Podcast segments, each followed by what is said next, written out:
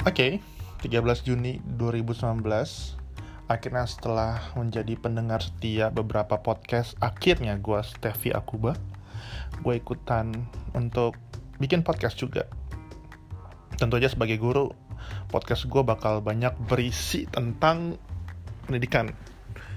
Ya pendidikan Sebagian besar orang pasti relate lah dengan pendidikan. Karena ya sebagian besar orang pernah bersekolah at least entah di sekolah formal ataupun homeschooling ya ataupun ya let's say sekolah kehidupan. Nah um, tentu aja gue bakal diskusiin atau bukan diskusi ya mungkin kebanyakan gue akan ngomong sendiri atau someday mungkin gue akan undang bintang tamu. I don't know lihat aja nanti ini ke mana arah podcast gue apakah banyak yang denger atau nggak yang denger sama sekali? Gue nggak tahu.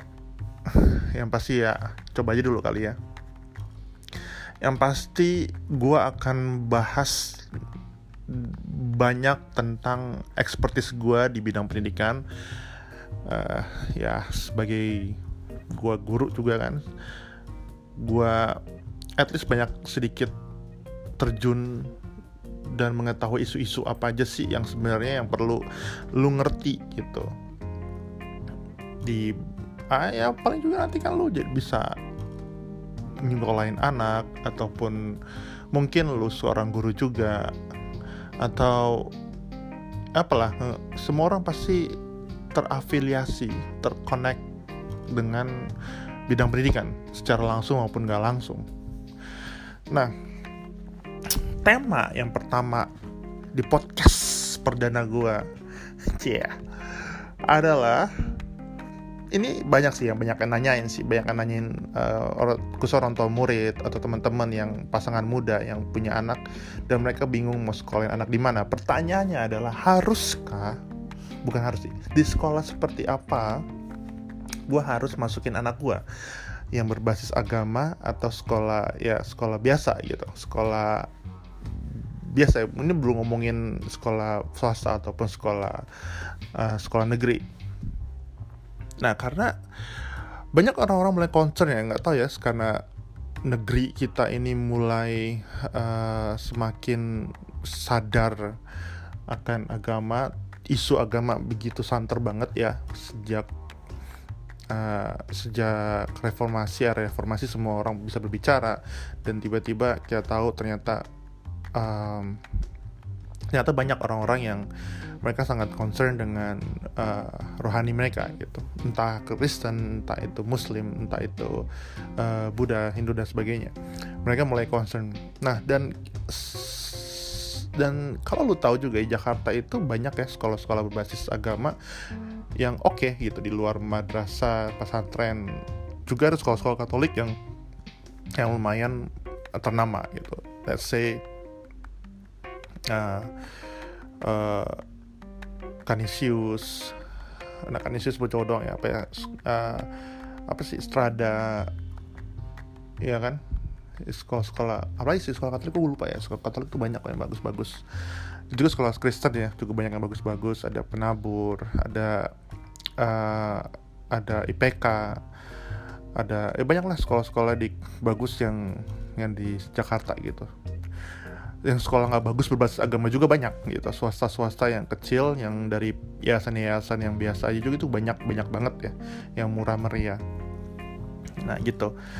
Uh, sekolah muslim juga Islam juga yang bagus juga banyak banget ya. Yang paling terkenal mungkin Al Azhar yang kalau kalian tahu juga bagus. Nah dan ini lumayan banyak jadi pertanyaan ya sebenarnya aduh harus gak ya anak gua? Gitu. Jadi uh, sekolahin di sekolah yang beragama karena menurut menurut mereka mereka merasa anaknya penting banget untuk ngerti tentang um, agama dan lain sebagainya karena mereka mulai uh, concern ya.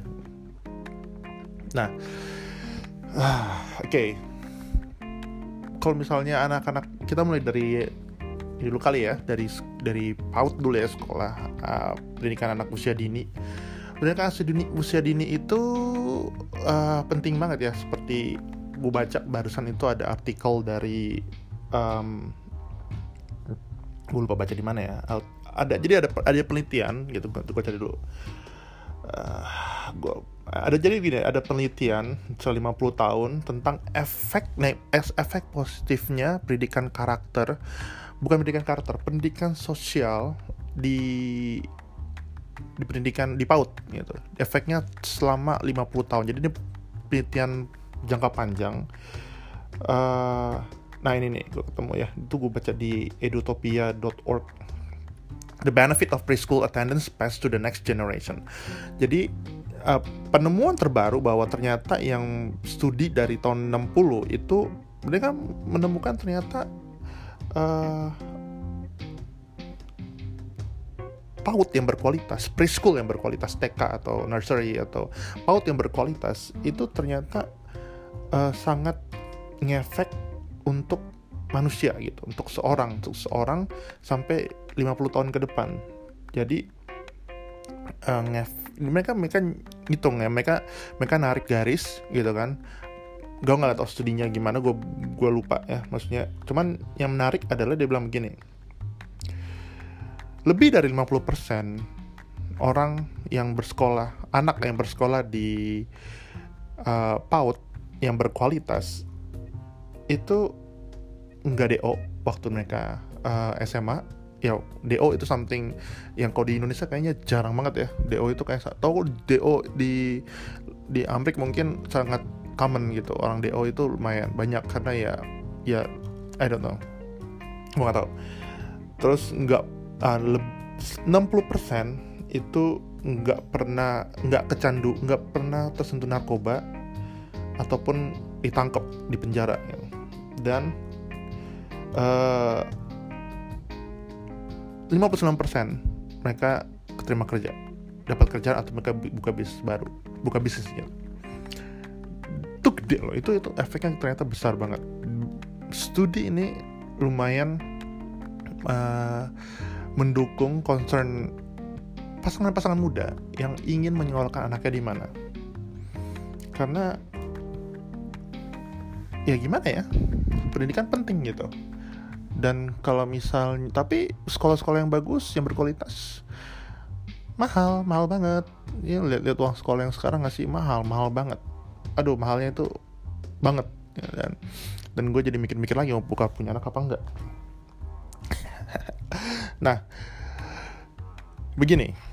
Menurut gue ini opening gue pribadi ya opening gue pribadi untuk masalah karakter karakter atau social learning social emotional so, emosi social awareness, self awareness yang berhubungan dengan cara mereka membangun sosial atau karakter mereka itu lebih banyak ditentukan dari keluarga. Setuju ya? Maksudnya keluarga itu sekolah yang pertama gitu, sekolah karakter yang pertama. Walaupun sebenarnya ada kok orang, ada kok ya orang apa uh, banyak, bukan banyak ya gue nggak tahu, tapi pasti ada lah. Walaupun keluarganya broken gitu ancur-ancuran katrok banget keluarganya. Cuman bisa menghasilkan jadi karakternya baik juga. Itu juga ada gitu. Ya tapi kalau misalnya ngomongin karakter komunitas pertama keluarga itu penting banget. Jadi kalau misalnya ngomongin pendidikan anak usia dini um, sebelum kita makanya kan pemerintah gue sih agak sedikit agak sedikit kontra sih pro dan kontra lah. Kebijakan pemerintah yang untuk TK atau PAUD itu tidak boleh diajar membaca tulis hitung lebih dahulu. Tetapi ya gue ngerti gue ngerti kenapa mereka berpikir begitu. Cuman gue nggak sepenuhnya uh, setuju dengan cara mengeksekusi kebijakan tersebut gitu. Ternyata karena nggak efektif nggak efektif lu kalau misalnya lihat sekolah-sekolah tetap aja mereka akan diajarin bahasa Inggris diajarin Mandarin diajarin matematika gitu. Yang yang menurut gue ya ya gitulah. Maksudnya pendidikan ya gitulah. Dan beberapa berita kayak seperti tutup mata gitu. Seperti ya gue nggak ngerti deh eksekusi tentang kebijakan hal itu tuh agak lumayan lumayan kontroversial dan tidak sebagus di berita gitu. Nah kembali ke paut jadi kalau misalnya apakah penting untuk menyekolahkan anak gua di PAUD yang berbasis agama. Menurut gua enggak. Menurut gua enggak. Karena apa? Untuk masalah agama ataupun karakter yang menurut gua sih keluarga lah. Karena gini ya anak-anak itu kalau masalah agama kan masalah yang abstrak ya dan mereka tuh belum ngerti gitu masalah abstrak masih hal yang konkret dan dan kalau misalnya anak kecil gitu ya anak kecil itu masih self centerednya tinggi banget. Dunia mereka tuh di di pikiran mereka yang mereka paling penting gitu. Dan untuk bisa ngajarin tentang ag agama gimana berkorban dan segala macam kedekatan sama Tuhan itu belum masuk gitu. Tetapi anak-anak bisa belajar dari contoh langsung dari orang tua, bagaimana orang tua sembahyang, bagaimana orang tua bisa uh, berdoa melakukan ajaran-ajaran agama, itu jauh lebih penting sih dibandingkan mereka diajarin secara uh, diajarin secara di pengetahuan doang di sekolah. Jadi nggak masuk sih menurut gue sih. Gitu. Jadi apakah apakah ngefek gitu kan? Ngefek ya pasti ngefek sih sebenarnya. Cuman jauh lebih ngefek jauh lebih bagus kalau misalnya anak-anak belajar secara konkret dari orang tua mereka masing-masing. Gitu. Anak kecil ya gitu. Jadi sebelum mereka diajarin yang uh, ngafalin ayat atau apa pun gue nggak ngerti ya gue uh, nggak gitu ngerti yang uh, secara general. Maksudnya gimana pendidikan agama. Cuman menurut gue ya lebih baik mereka belajar dari orang tua mereka gitu. Dan sedangkan gimana kalau misalnya sudah teenager SMP gitu kan, SMP, SMP, SMA, apakah pendidikan berbasis agama itu penting dan um, mengaruh? Pengaruh pasti ada gitu. Cuman setahu gua ya, setahu gua kalau masalah karakter, perubahan karakter itu karakter paling bagus emang di kita ngomongnya di level uh, pendidikan pendidikan usia dini sih karena karakter kan kita numbuh kalau misalnya di teenager itu bisa sih cuman agak berat. Ini menurut gue pri pribadi ya. Gue belum gue belum uh, masih pro dan kontra lah. Kalau ngomongin tentang social science kita pasti dalam program pasti ada pro dan kontra. Karena semua punya point of view masing-masing yang subjektif tinggi banget. Dan dan makanya gue bilang secara ngomong secara general menurut gue kalau pendidikan anak itu lebih bagus di sekolah yang campur maksudnya enggak yang sekuler eh apa ya sebutnya ya? Gue nggak tahu ya maksudnya yang yang yang biasa aja sekolah biasa. Itu sih yang yang tidak berbasis agama. Jadi satu anak belajar tentang tentang toleransi. Value mereka pasti akan kuat kan? Karena kalau misalnya lu ngajarin sebagai orang tua ngajar anak-anak uh, untuk bisa benar-benar uh, pegang teguh value agama mereka ya menurut gue sih ketika mereka remaja ya mereka tetap pegang walaupun walaupun orang di mereka tumbuh di sekitar yang gue juga punya kok dulu ya waktu SMP gue gue sekolah Katolik ada satu dua orang yang Muslim dan mereka masih Muslim yang taat sampai sampai sekarang gitu. Jadi nggak ngefek ngefek juga sih sebenarnya.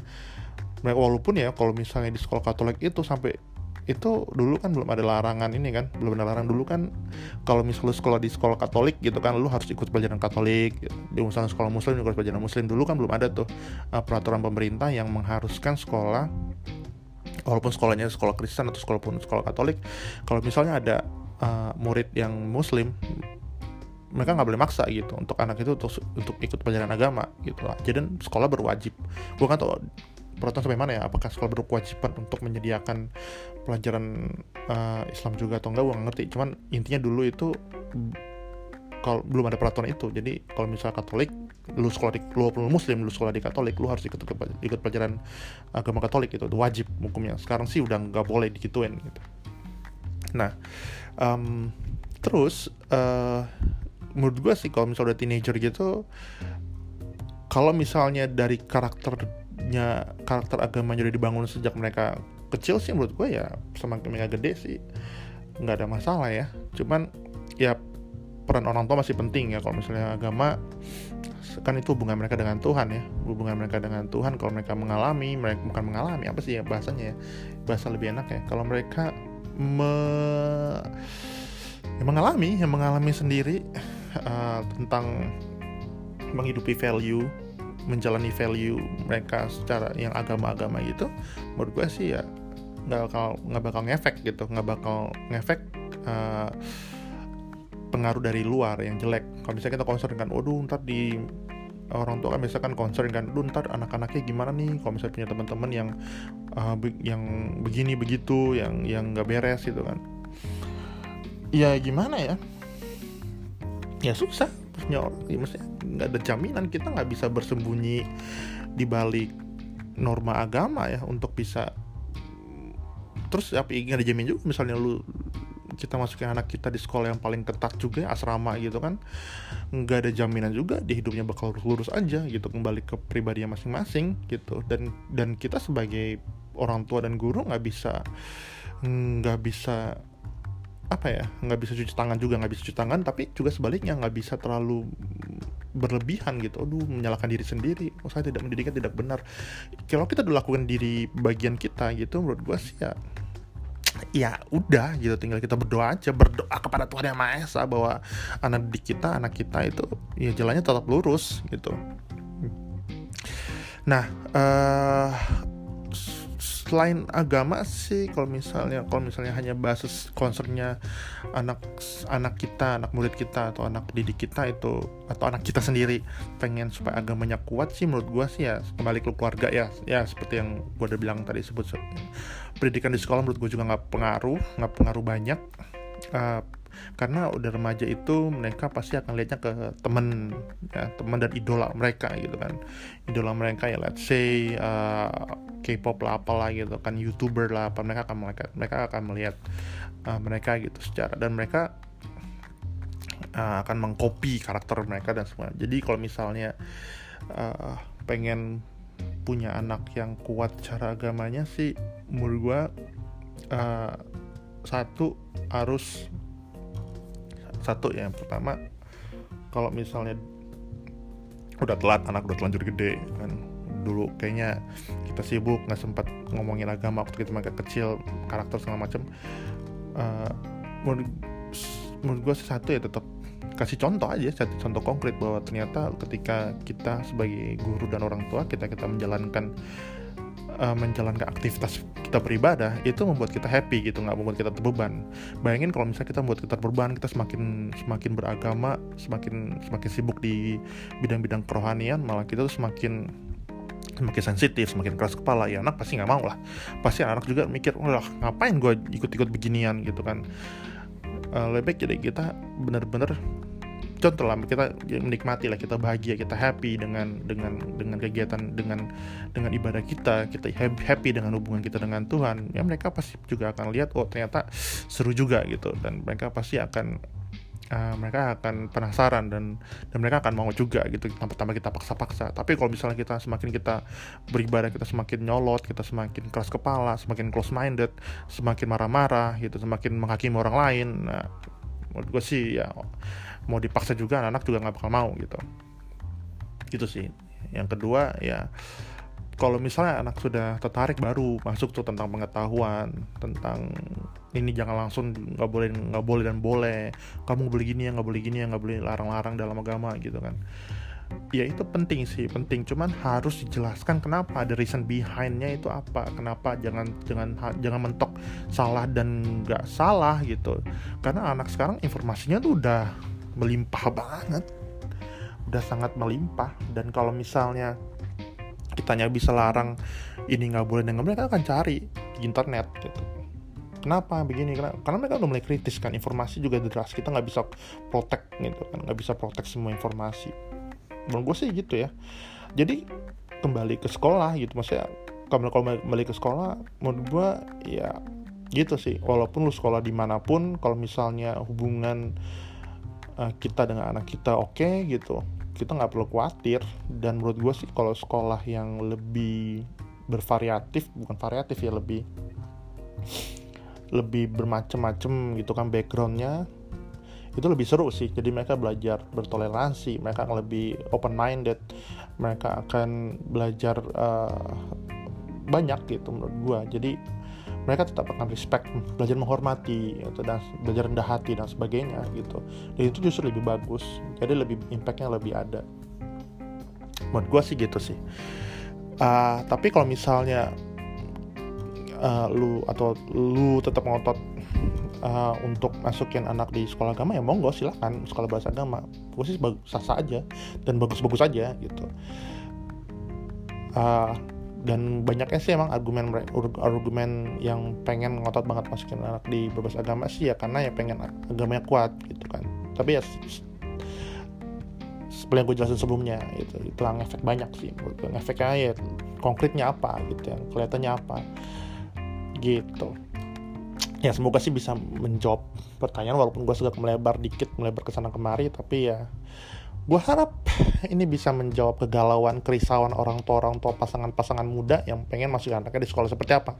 Selain sekolahnya mahal bahkan sekarang uang sekolah buset banyak mahal sekali yang bagus juga mahal sekali. Eh, semoga ini bisa menjawab kebutuhan menjawab kegelisahan orang tua orang tua pengen gue masih anak gue di sekolah seperti apa ya. Ya gitu aja sih. That's my first podcast. See you later